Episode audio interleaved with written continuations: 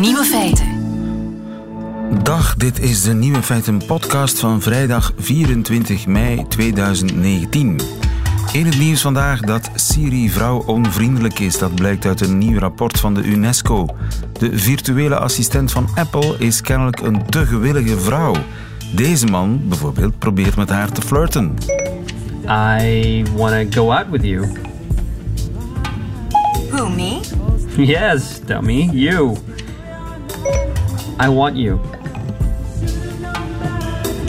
You are the wind beneath my wings. Aww. Ja, Wadde, jij bent de wind onder mijn vleugels. Siri is makkelijk te verleiden en wie haar een slet noemt, kreeg tot voor kort dit antwoord. Mocht ik kunnen blozen, ik deed het. Nu zegt ze, ik weet niet wat ik daarop moet antwoorden. En dat is vooruitgang. Maar toch hebben de makers van Siri volgens de UNESCO nog veel werk om Siri volledig aan te passen aan het MeToo-tijdperk. De andere nieuwe feiten vandaag. Theresa May stapt op. De traditionele Chinese geneeskunde krijgt erkenning van de Wereldgezondheidsorganisatie. Een vrouwelijk brein presteert beter bij hogere temperaturen. En Sander van Horen, de Nederlandse journalist in Brussel, verbaast zich over de geringe aandacht bij ons voor de Europese verkiezingen. De nieuwe feiten van Bo van hoort u in haar middagjournaal. Veel plezier. Nieuwe feiten.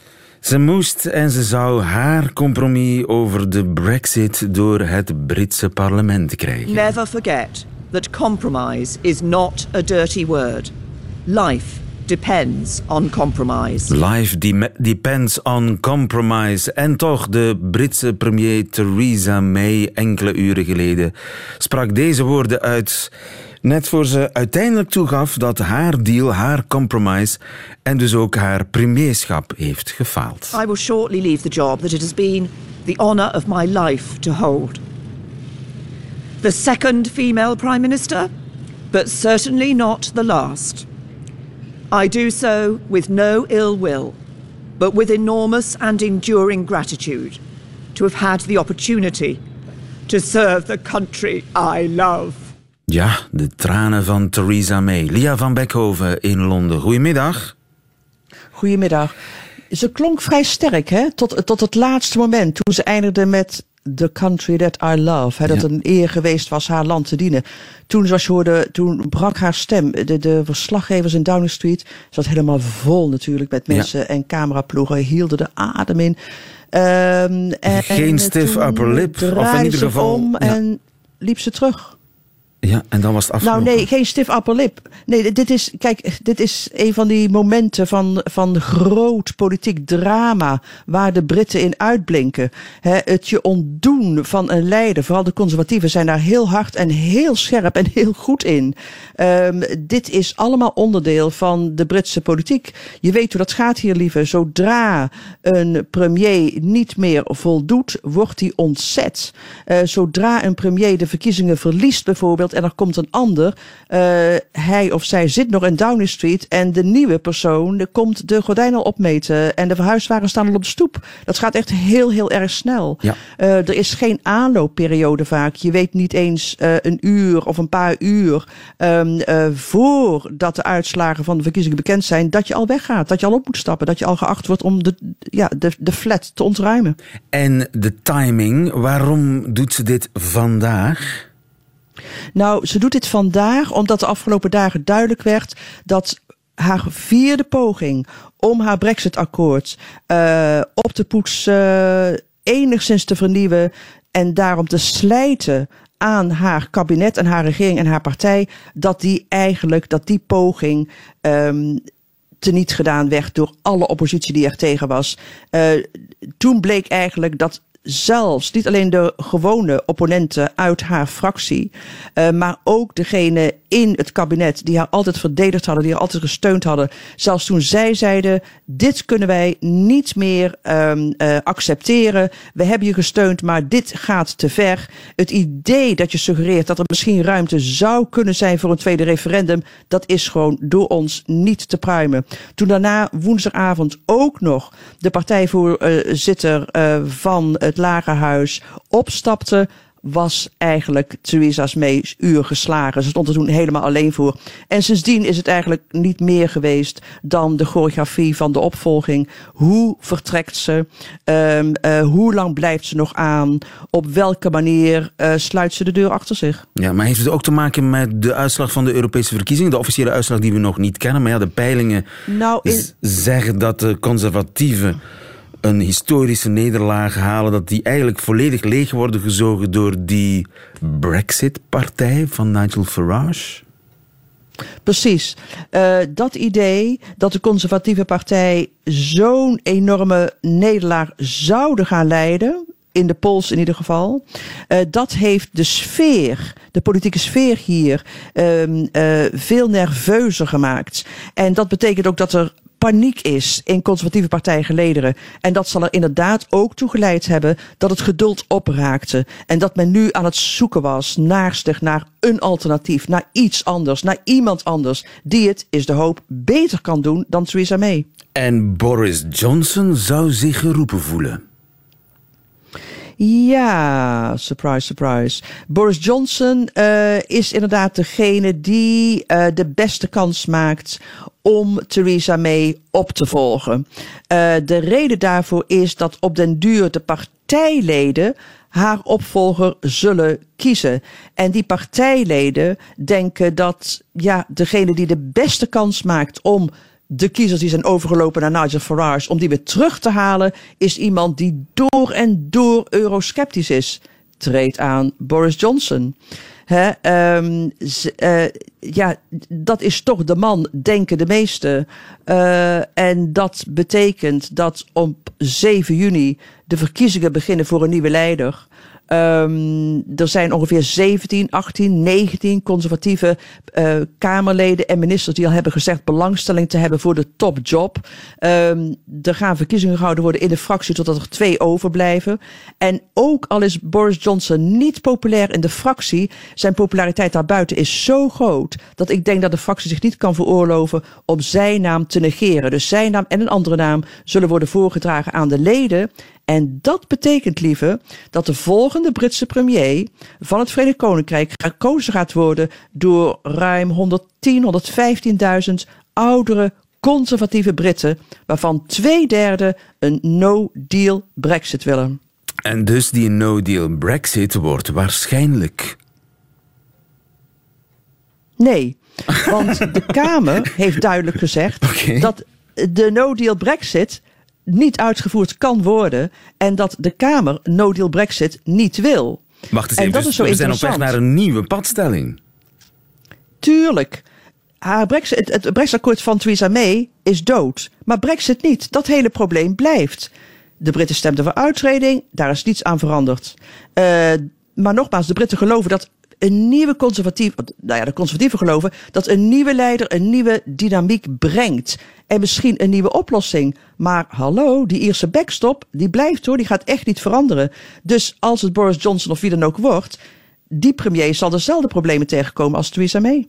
Hopen ze daar dat Johnson, stel dat hij het wordt, nieuwe partijleider, nieuwe premier, alsnog Brussel kan overtuigen om een nieuwe deal te maken?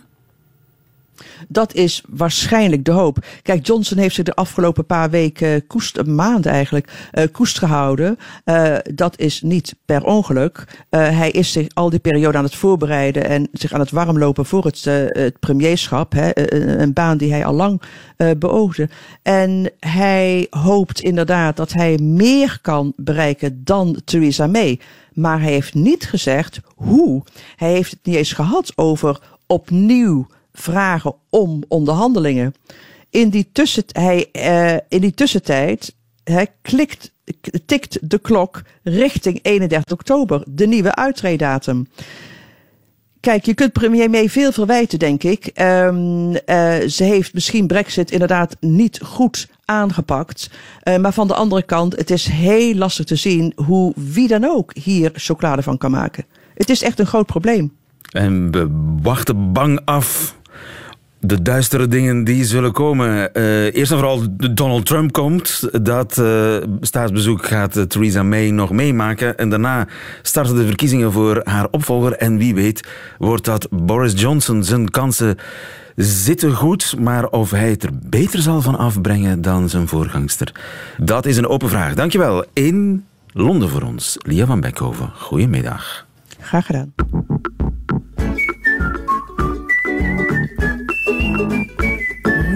Feiten. De traditionele Chinese geneeskunde die krijgt wellicht erkenning van de Wereldgezondheidsorganisatie. Goedemiddag, Patrick van Krunkelsven. Goedemiddag. U bent eh, arts en directeur van het Centrum voor Evidence-Based Medicine. Ja. De Wereldgezondheidsorganisatie erkent een 400-tal aandoeningen uit de traditionele Chinese geneeskunde. Wat zijn dat voor aandoeningen, dokter? Ja, god, uh, erkennen is ook een groot woord. Hè. Het is zo dat er een, een lijst bestaat, we noemen dat het ICD-10 en dat wordt ICD-11. Dat is een code, of een, eigenlijk een systeem waar, waarmee men aan alle mogelijke ziektes een bepaalde code geeft. Ik geef een voorbeeld. Knieartrose kunnen we veel namen aangeven, maar dat krijgt een vaste code M17. En zo hebben alle mogelijke ziektes, van borstkanker tot uh, migraine, en krijgen een vaste code. Het is dus eigenlijk een erkenning dat die ziekten bestaan. Wel, goh, die, die codes zijn vooral een systeem om goed te kunnen communiceren over gans de wereld, dat we altijd weten waarover het gaat, of het RISIF, of de mutualiteiten die met elkaar uh, communiceren, gebruiken graag deze codes, omdat dat heel duidelijk is waarover het gaat. Wel, nu is het wel een beetje bizar dat een, uh, vanaf heden eigenlijk dit systeem aangepast is. We gaan nu naar ICD-11. Om de paar jaar wordt dat aangepast. En men heeft een ganz nieuw hoofdstuk toegevoegd. En we noemen dat dus de traditionele uh, Chinese uh, geneeskunde. En die hebben ook uh, diagnoses. En soms, daar staat ook hoofdpijn tussen en dergelijke meer. Maar eigenlijk staan er ook wel wat rare diagnoses tussen, zoals de ziekte van het vloeibare slijm of uh, de vochtige pijnziekte of zelfs verwelkingsziekte. Dus dat staan wel wat uh, meer bizarre diagnoses tussen die nu zijn opgenomen in dat De systeem. ziekte van het vochtige slijm? Ja, ja ik, moet, en ik wat, weet ook wat, niet wat ik moet... Wat, wat moet ik mij daarbij voorstellen? Wel, ik kan me daar ook eigenlijk helemaal niks bij voorstellen hoor. Nu, ik ben die lijst even gaan bekijken en er staan ook uh, ja, gewone kniepijn en, en, en keelpijn staan er ook wel tussen hoor. Ja. Maar er staan nogal wat bizarre uh, diagnoses tussen en dat moet ons eigenlijk ook niet uh, verrassen omdat de, de manier waarop deze genezers een diagnose stellen, heeft eigenlijk twee heel belangrijke diagnostische middelen. Dat is één, men kijkt naar de tong. En zij hebben in hun systeem honderden foto's. De tong kan een beetje natter, een beetje droger, kan een beetje ruwer zijn.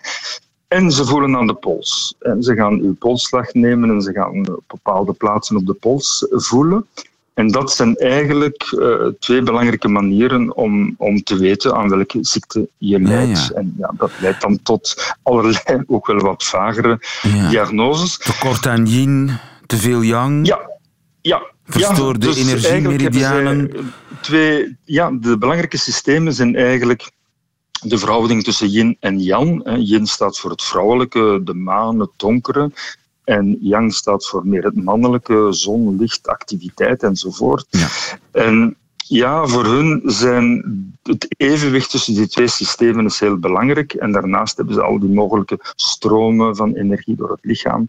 Eh, die worden gebruikt voor bijvoorbeeld acupunctuur. Hè. Dus een Ja. van de behandelingen is acupunctuur, waarbij men met naalden een beetje extra energie toevoegt of energie gaat afleiden. Dat Juist. is eigenlijk een systeem. En impliceert die erkenning ook de erkenning van de traditionele geneesmiddelen die gebruikt worden Wel, tegen dat is, dat is nu eigenlijk, dat is eigenlijk nu, we weten niet goed wat daarachter zit. Eh, het is zo dat een, een zekere Margaret Chan, dat is een, een Chinese van een Canadese die Chinese roots heeft.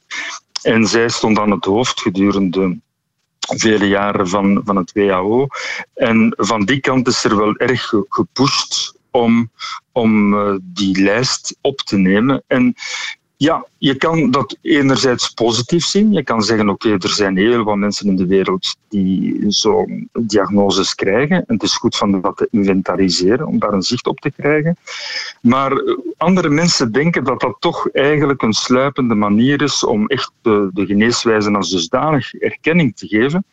En nog slechtere geesten, die, die zien daar zelfs een economische strategie achter, omdat we weten dat die Chinese kruiden en, en dierextracten, misschien moeten we het daar nog even over hebben, uh, dat is echt een, een, een hele commerce die aan de gang is. Dat gaat dus een miljardenbusiness eigenlijk. En natuurlijk, als je zo op een sluipende manier eerst de diagnoses en dan natuurlijk de behandelingen gaat in het systeem binnenbrengen, ja, dan, dan zijn daar wel echt heel grote belangen mee gemoeid. Ja, ja, er is een, gigantische, een gigantische markt voor gemalen tijgerpenis, uh, gedroogde ja, platen, Ja, en dat lijkt, je, we, kunnen, we kunnen daar natuurlijk soms wel wat lacherig om doen, want kruiden kunnen vaak onschuldig zijn, maar we weten dat dat soms ja, toch wel actieve stoffen bevatten. En wat meer is, zij, die geneeskunde doet heel vaak beroep op extracten van dieren. Dus er worden miljoenen zeepaardjes uh, daarvoor gevangen en gedood en vermalen.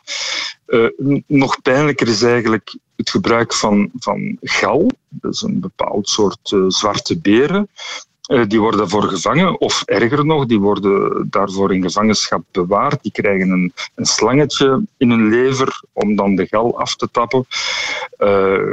ja, we kennen allemaal de neushoorn die wordt gebruikt, uh, verpulverd ook, om, om zogezegd erectiestoornissen te gaan behandelen.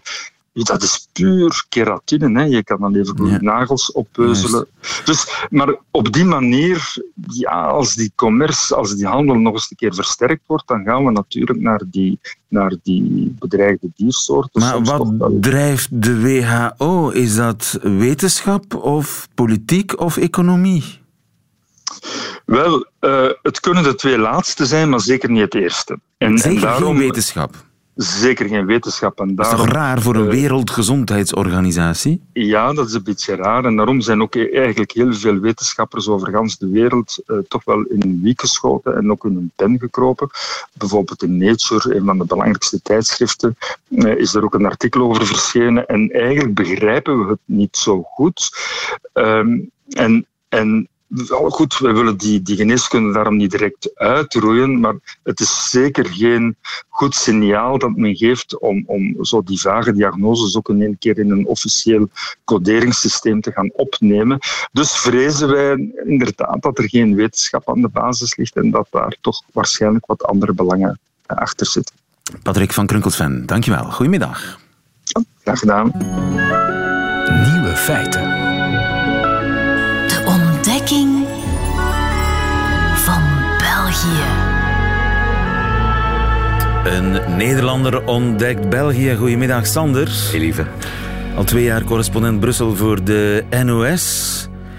Ja, het grote nieuws komt natuurlijk uit jouw thuisland. Nederland, hè? ja, dat wou ik zeggen. Europese verkiezingen zijn daar gisteren al gehouden. Ja. Hebben eigenlijk al echte uitslagen? Nee, hè? Nee, wij wachten nu heel braaf uh, op de allerlaatste stembus. In Italië gaat die dicht om uh, eh, 11 uur zondagavond. En we deden dat altijd, want zo zijn wij Nederlanders uh, anders. We maakten het altijd veel eerder bekend. We zijn daar twee verkiezingen geleden, dus tien jaar geleden, door de Europese Commissie voor op de vingers getikt. En ja. sindsdien lopen we zijn al zeer ja, betrouwbare exit, exit polls. Ja, zeker. Ja. En ja, de, de Partij van de Arbeid, de Nederlandse SPA, die, die heeft vleugels gekregen. Die heeft vleugels gekregen. En wij Als hebben Timmermans het, vleugels. het Timmermans-effect. Ja, absoluut. Want dat is wel wat ook uit een parallel onderzoek blijkt. Het zijn niet mensen die, uh, als er nu landelijke verkiezingen waren geweest, links hadden gestemd. Maar ze hebben nu wel op Timmermans gestemd. En dat is interessant, vind ik. Want ik heb het hier al vaker gezegd dat wij Calvinisten in het noorden. Wij houden niet van flamboyante persoonlijkheden. En uh, daar was Pim Fortuyn een uitzondering op. Daar was Thierry Baudet een uitzondering op. Maar ja, Frans Timmermans eigenlijk ook wel. Dus dit is een nieuw Nederland. Een Nederland dat voor figuren gaat stemmen en niet langer voor partijen. Ja, doordat wij dus uh, uh, redelijk overtuigend iemand gekozen hebben die uh, er zich op voorstaat dat hij zes talen spreekt, dat hij af en toe wel eens een boek leest, die niet onder stoelen of banken steekt, dat hij gewoon soms echt meer verstand heeft van dingen dan gewone mensen, zeg maar. Die uitstraling een beetje. En, en ik denk ook wel dat wij dat onderschat hebben. Zijn team heeft altijd wel gezegd van hij is heel populair in Nederland en wij dachten geredeneerd vanuit dat Calvinisme van nou ja, dat zal wel meevallen. Het blijkt dus niet mee te vallen. Het blijkt namelijk echt een stem op Timmermans. Ik vind dat interessant. En ik heb me dus ook af zitten vragen, lieve. Is er een Belgisch of een Vlaams equivalent daarvan? Van Frans Timmermans? Ja, van het Frans Timmermans, inclusief het effect wat je nu ziet. Ja, Guy Verhofstadt zou in de buurt kunnen komen. Ja, maar Guy Verhofstadt is natuurlijk een, een, hele bekende nationale politicus, premier geweest. Ik bedoel, Frans Timmermans is minister van Buitenlandse Zaken geweest. Bekendheid rond die MH17-ramp, maar toen eigenlijk uh, iets gedaan wat niet handig was, publicitair gezien. En, en daardoor eigenlijk een beetje weggezet. En Guy Verhofstadt, ja, die heeft dat allemaal niet. Die, die uh, is gewoon een continuum. Nee, ik zat meer te denken aan, aan uh, Marianne Thijssen. Had gekund, ja. Had gekund. En de uh, aardige overlapping is natuurlijk dat uh, toen Frans Timmermans uh, heel duidelijk voor die toppositie binnen Europa ging, hè, de opvolger van Jean-Claude Juncker als voorzitter van de Europese Commissie, toen werd er een beetje meesmuilend gereageerd. Zo van ja, zie eerst maar eens die ene zetel, jouw zetel, in het Europees Parlement te verzilveren. En laat staan, want de Partij van de Arbeid stond er zo slecht voor. Ja, en dat vind ik wel een aardige overeenkomst met CD&V... die dus een eurocommissaris heeft... die hier gekend is op de Vlaamse tv. Want op het moment dat er iets uit te leggen valt over besluiten van de Europese Commissie, voilà, Marianne Thijssen. Dus zij had dat Timmermansgeluid van het enigszins technocratische Brussel, wat toch wel goed is voor iedereen, dat had zij kunnen belichamen. En dan had zij, nou ja, misschien net zoals de Partij van de Arbeid bij ons, die wederopstanding van het CD&V kunnen inluiden. Dus de CD&V had haar arm moeten omwringen. Nou ja, ik zeg niet dat je het één op één kunt copy-pasten. Die fout heb ik inmiddels wel na twee jaar inburgering uh, geleerd. die kun je, uh, je, je kunt dat niet copy-pasten, maar... Het, ja, zij stopt met politiek, hè. Ze, Ja. komt niet meer op. Ze komt niet maar meer had op. ze het gedaan, dan wie weet. Ja, want CD&V stuurt nu Chris Peters naar Europa. Nou ja, wij hebben daar in Nederland, ik weet niet of je die hier ook in België hebt, heb je een opa, stuur hem naar Europa. Enigszins uitgerangeerde politici die eh, je niet zomaar af kunt serveren. Nou, die stuur je dan naar Die Europa. noteer ik. Heb je een opa, stuur hem naar Europa. Naar Europa. En Chris Peters, oh wel nog geen opa, wel, eh, eh, daar moest men iets mee. Dus die gaat nu naar Europa. En die, Ja. ja, kan die- Plotseling denk ik aan Geert Bourgeois. dat vind ik wel grappig dat je dat zegt. Want eh, die kwalificeert dan weer meer als opa, maar niet, daar moeten we vanaf. Maar ik heb hem een beetje gevolgd de afgelopen tijd, omdat ik het wel een interessante figuur vind. Hij staat natuurlijk voor een interessante partij eh, vanuit Nederlands perspectief. En het is voor hem een struggle. Het is niet eh, dat jullie massaal aandacht hebben voor die Europese verkiezingen. Ik heb dat vorige week eigenlijk al gezegd. Dat het jammer is dat er zo'n enorm verkiezingsorgie van gemaakt wordt. Want de Europese verkiezingen die krijgen nu enorm weinig aandacht. Terwijl merendeel durf ik te beweren van de regels die op jou en je luisteraars afkomen, die komen uit Europa. Dat is waanzinnig belangrijk. Wij beseffen niet hoe machtig Europa is, hoe Nee. belangrijk Europa is. En hoe belangrijk het is ook voor eh, de Vlaamse politieke partijen. Het is hartstikke interessant om te zien dat eh, in Nederland hè, zie je dus dat de PVV misschien niet eens terugkomt in het Europees parlement. Ze peilen nu op één zetel. Maar ja, die exit poll die heeft een foutmarge van één zetel. Dus dat kunnen er twee zijn. Het kan ook nul worden. Thierry Baudet met zijn Forum voor Democratie, die komt met drie. Maar in elk geval, die eurokritische stem, die is aanwezig. Maar die is in Nederland niet zo bizar groot. Die zal Europees gezien groter worden. Heb je twee grote groepen. Eentje Ja, dat, is, dat valt af te wachten. Nederland is toch ook een eurokritisch land, dus heeft zeer pro-Europees gestemd. Ja, maar de verwachting is bijvoorbeeld dat in eh, Italië, om maar eens een land te noemen, wat eh, eh, qua zetelaantal, qua grootte namelijk veel meer gewicht in de schaal legt. Dat daar Salvini toch wel heel erg groot wordt. Alternatieven voor Duitsland. Maar het, het, het leuke vind ik dan dat je bij de NVA bijvoorbeeld ziet dat die in een fractie zitten die heel erg eurokritisch zijn. Terwijl zij dat zelf eigenlijk helemaal niet zijn. Het is de dubbele agenda zeg maar, van de NVA. Maak de regio's sterker. Maak Europa sterker. En dan kukelt het uh, federale niveau vanzelf onderuit. Uh, dus, dus, dus zij zitten daar eigenlijk gevrongen in, in dat Europese Zitten daar heel raar. En samen met PIS, die Poolse de partij. Poolse regeringspartij tegen homorechten, een beetje fronsend op vrouwenrechten, oerconservatief dan kun je samenwerking zoeken met andere nationalistische partijen. Want dat nationalistische, dat zit bij de NVA er natuurlijk wel in. Nou, dan kom je bij de groep van Salvini. Maar hé, hey, daar zit het Vlaamse Belang al bij. Dat soort bewegingen, waarbij eigenlijk de logische thuishaven van de NVA wel eens de liberale fractie kan zijn dus gezellig samen met Open VLD. Dat hele debat, ja, dat wordt niet gevoerd. Want iedereen die kijkt maar naar die Vlaamse verkiezingen... eigenlijk nog niet eens zozeer naar de federale verkiezingen. Ik vond het ook wel tekenend. Ik zat vanmorgen op Radio 1 in de speciale verkiezingsuitzending. Dat is niet op het dak van het Europees parlement. Dat is niet op het dak van het federale parlement. Dat is op het dak van het Vlaamse parlement. Ja, vinden wij normaal, maar jij niet. Zegt het allemaal. Tuurlijk. Ja. Overigens... Ja... Je probeert die woordenlijst als maar nee, te stellen. ik probeer er gewoon overheen te lullen. Maar ik, ik weet niet of wij het als NOS anders hadden gedaan. Want natuurlijk, hoe dichterbij, hoe uh, toegankelijker. En ja, daar ga je natuurlijk als radioprogramma zitten. Heb jij een bomma? Ik, een bomma? Nee, uh, ja, nee, die is al lang overleden. Ah, oké. Okay. Gecondoleerd, zal ik dan maar zeggen. Zoals, ja, dat lang geleden. Zoals, maar dus Bomma, oké. Okay. Omdat je zei, stuur je opa naar Europa. Ja, maar dit is een oma, toch? Een Bomma? Ja, ja, ja precies. Je bompa naar Europa, dus wij kunnen hem niet... Bompa naar Europa, ja. Ja, dat gaat niet. Mm. Maar als uh, een blijn...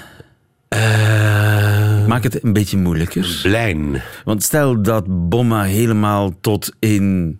Straatsburg moet stappen of van ver komende naar Brussel moet geraken, zou het wel eens kunnen dat ze een blijn heeft.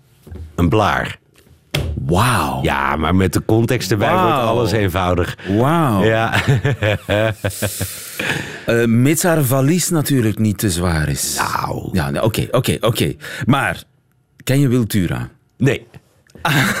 dat we zeggen, als je, als je bedoelt de ridder, ja, dan hebben we een naam. Want het is natuurlijk gewoon een artiestennaam van de meester van het Vlaamse volkslied. Ja, maar dat wist jij niet. Dat heb jij nu stiekem opgezocht. Ik heb dit allemaal paraat, lieven. Nee, omdat ik zei je net dat we Wiltura hebben. Voor jou, heel speciaal. Wiltura, de koning, de prins van het Vla de koning van het Vlaamse lied, die zich boos maakt op de Nederlanders. Terecht.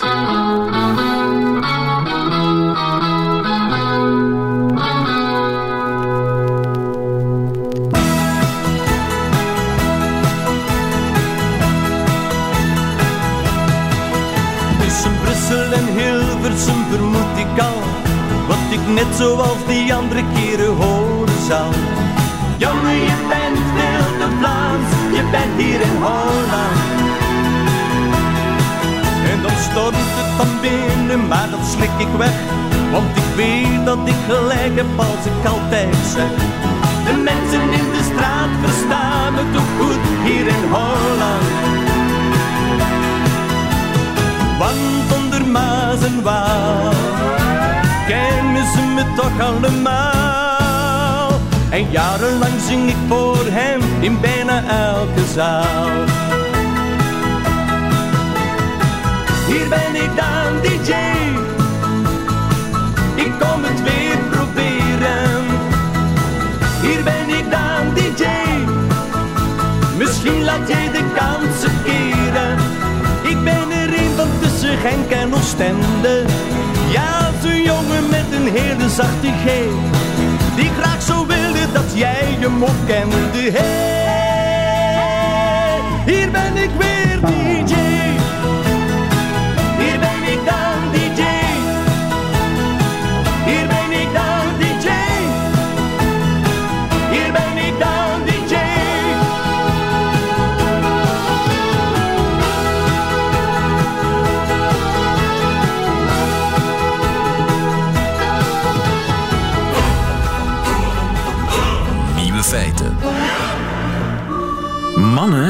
Die presteren beter als het frisser is.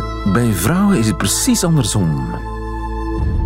die zijn juist gebaat bij warme temperaturen. Wouter van Marken-Lichtenbelt, goedemiddag. Ja, goedemiddag. Van de Universiteit van Maastricht. Dat moet blijken uit Amerikaans-Duits onderzoek dat verder bouwt op onderzoek dat u al eerder deed. U bent er al eerder achter gekomen. Uh, nou, dat is niet helemaal waar. We hebben gekeken naar comfort. En we zagen dat uh, vrouwen bij een wat hogere temperatuur comfortabeler zijn dan mannen. En we hebben ook gevonden dat dat te maken had met een verschil in lichaamsopbouw. Dus vrouwen hebben minder vetvrije massa en daarom is hun kacheltje wat lager. Produceren ze minder warmte en daardoor voelen ze zich comfortabeler bij een wat hogere temperatuur. Vandaar soms op het werk de, het gevecht om de thermostaat. Hè? Wie bepaalt hoe warm het is op kantoor? Dat is vaak een man-vrouw kwestie. Inderdaad, ja. Er zijn natuurlijk wel grote individuele verschillen, maar zeker ook uh, verschillen tussen mannen en vrouwen over het algemeen. En dat heeft met lichaamsbouw te maken. Mannen hebben meer vetvrije massa, hebben dus een andersoortige kachel waardoor die sneller het te warm hebben dan vrouwen die eerder, eerder te koud hebben. En nu is er het Duits-Amerikaans onderzoek dat uh, ja, prestaties gemeten heeft. Maar gaat het dan om fysieke prestaties of gaat het om intellectuele nee, prestaties? Het gaat echt om uh, uh, mentale prestaties. Dat doen we ook wel cognitieve testen. Dus hoe goed je bepaalde taken met je hersenen zeg maar, uitvoert. En dus bij mannen gaat het achteruit als de temperatuur vooruit gaat? Nou, dat is, dat is, dat, dat is niet helemaal uit de data op te maken. Het gaat vooral uh, om de vrouwen. En wat we zien is dat bij vrouwen inderdaad bij wat hogere temperaturen hun uh, testen beter hoger scoren. Bij die mannen zien we dat verband eigenlijk niet. Je bedoelt dat het mannenverstand blijft werken ook al wordt het kouder? Ja, of ze blijven even dom. Het is maar net hoe je het zegt. Ja, inderdaad. Vrouwen, hun allergie aan kou, zeg maar, werkt door op de werking van hun brein.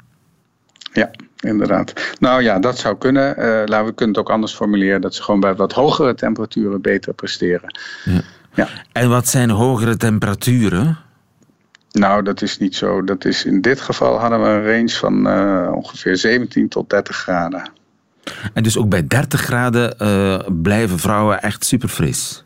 Ja, wat ik in het artikel niet kon vinden is wat voor kleding ze aan hadden. Want dat maakt natuurlijk wel uit. Hè. Dus uh, ik neem aan dat ze wel gestandaardiseerde kleding aan hadden, maar ik kon niet precies zien wat. Dus die 30 graden is misschien wel een hele lichte kleding. Maar moeten we dan vrouwen tijdens de zomermaanden uh, meer verantwoordelijkheid geven? Want zij, zij blijven nou, ik, overeind. Ja, wat ik, ja, wat ik nou heel leuk vind van deze studie is dat ze ernaar gekeken hebben. Uh, maar we denk, ik denk wel dat we meer studies nodig hebben voor we allerlei maatregelen gaan nemen. Dus dit is een eerste indicatie dat er verschil is in cognitie. Dus in, in uh, hoe goed je testen doet en hoe goed je productiviteit mogelijk is. Uh, afhankelijk van de temperatuur. Maar hoe de, welke temperatuur nou precies goed is, daar hebben we echt meer testen voor nodig. Dus ik, ik, adviseer wel nog meer onderzoek te doen. En wij gaan het ook meenemen in onze testen. Want ik vind het wel interessant. Je zou kunnen zeggen, ja, aan de universiteit op examens, dan moeten we de, de, de thermometer goed in de gaten houden. Want als het te fris is, dan ga je de vrouwen enorm benadelen. Ja, dat als, het, als het echt, laten we zeggen, als het bij herhaling zo is, dus er zijn meer proeven nodig, dan zou je er wel rekening mee kunnen houden. En ik denk ook op, op kantoren kan je er ook rekening mee gaan houden. Ja, denk het wel. Wouter van Marken-Lichtenbelt, dankjewel. Goedemiddag. Ja, graag gedaan hoor. Dag. Nieuwe feiten. Middagjournaal. Zondag moeten, of zou ik zeggen mogen we gaan stemmen. Het algemeen stemrecht is een democratische verworvenheid waar onze voorouders voor hebben moeten strijden. Lang geleden hadden alleen de rijken een stem en tot na de Tweede Wereldoorlog alleen mannen. We moeten dat recht dus koesteren. Voor vijf jaar verkiezen wij vrouwen en mannen, vertegenwoordigers des volks, die als goede huismoeders en huisvaders onze belangen zouden behartigen. Ik heb de indruk dat wij, de burgers van dit land, daar vroeger genoegen mee namen. Wij hadden onze plicht vervuld, meer hoefde niet tot de volgende verkiezingen. Maar vandaag is dat anders. Omdat wij mondiger geworden zijn, zeker. Maar ook misschien omdat wij onze verkozenen niet meer voldoende vertrouwen. Gevolg, zowat elke week stappen duizenden bezorgde landgenoten op, nu eens in een klimaatmars, dan weer voor een rechtvaardiger verdeling van de rijkdom met de gele hesjesbeweging, of nog tegen seksueel geweld op vrouwen. Bijna altijd zijn het spontane uitingen van bezorgdheid door studenten, door gezinnen, grootouders met kleinkinderen. Van parlementaire democratie zijn wij geëvolueerd naar zogenaamde basisdemocratie. Ik heb ook de indruk dat er vroeger minder betoogd werd. En vooral dat het strak georchestreerde manifestaties waren door de vakbonden, door de Boerenbond of allerlei belangengroepen. Vandaag zijn het gewone mensen die zonder gestructureerde organisatie, maar wel dankzij de sociale media, waardoor onze wereld vandaag echt een klein dorp geworden is, en vooral gestuurd door eenzelfde verontwaardiging, onze politici en alle mensen met verantwoordelijkheden oproepen tot actie. Naast hun stem in het stemhokje hebben zij een stem op straat gekregen. Vaak roepen zij op om beslissingen te nemen via referendum. Referenda zijn ook basisdemocratie. In Zwitserland bestaan ze al jaren. Maar het referendum is een instrument waar omzichtig mee moet omgesprongen worden. Veel maatschappelijke problemen zijn te complex om herleid te worden tot een eenvoudige ja of nee. Vaak is de maatschappij over die problemen ook grondig verdeeld en hebben beide kampen bijna evenveel aanhangers. Kijk naar de Brexit of naar het referendum voor de onafhankelijkheid van Catalonië. In beide gevallen hebben ze diepe wonden geslagen en nog meer verdeeldheid gezaaid. Natuurlijk hoort basisdemocratie er vandaag bij, op straat of in een referendum. Maar laat ons misschien eerst goed beseffen welk geluk wij hebben dat wij, ook al is het maar om de vijf jaar, onze stem mogen uitbrengen. Er zijn nog altijd te veel landen waar de burgers die kans niet krijgen.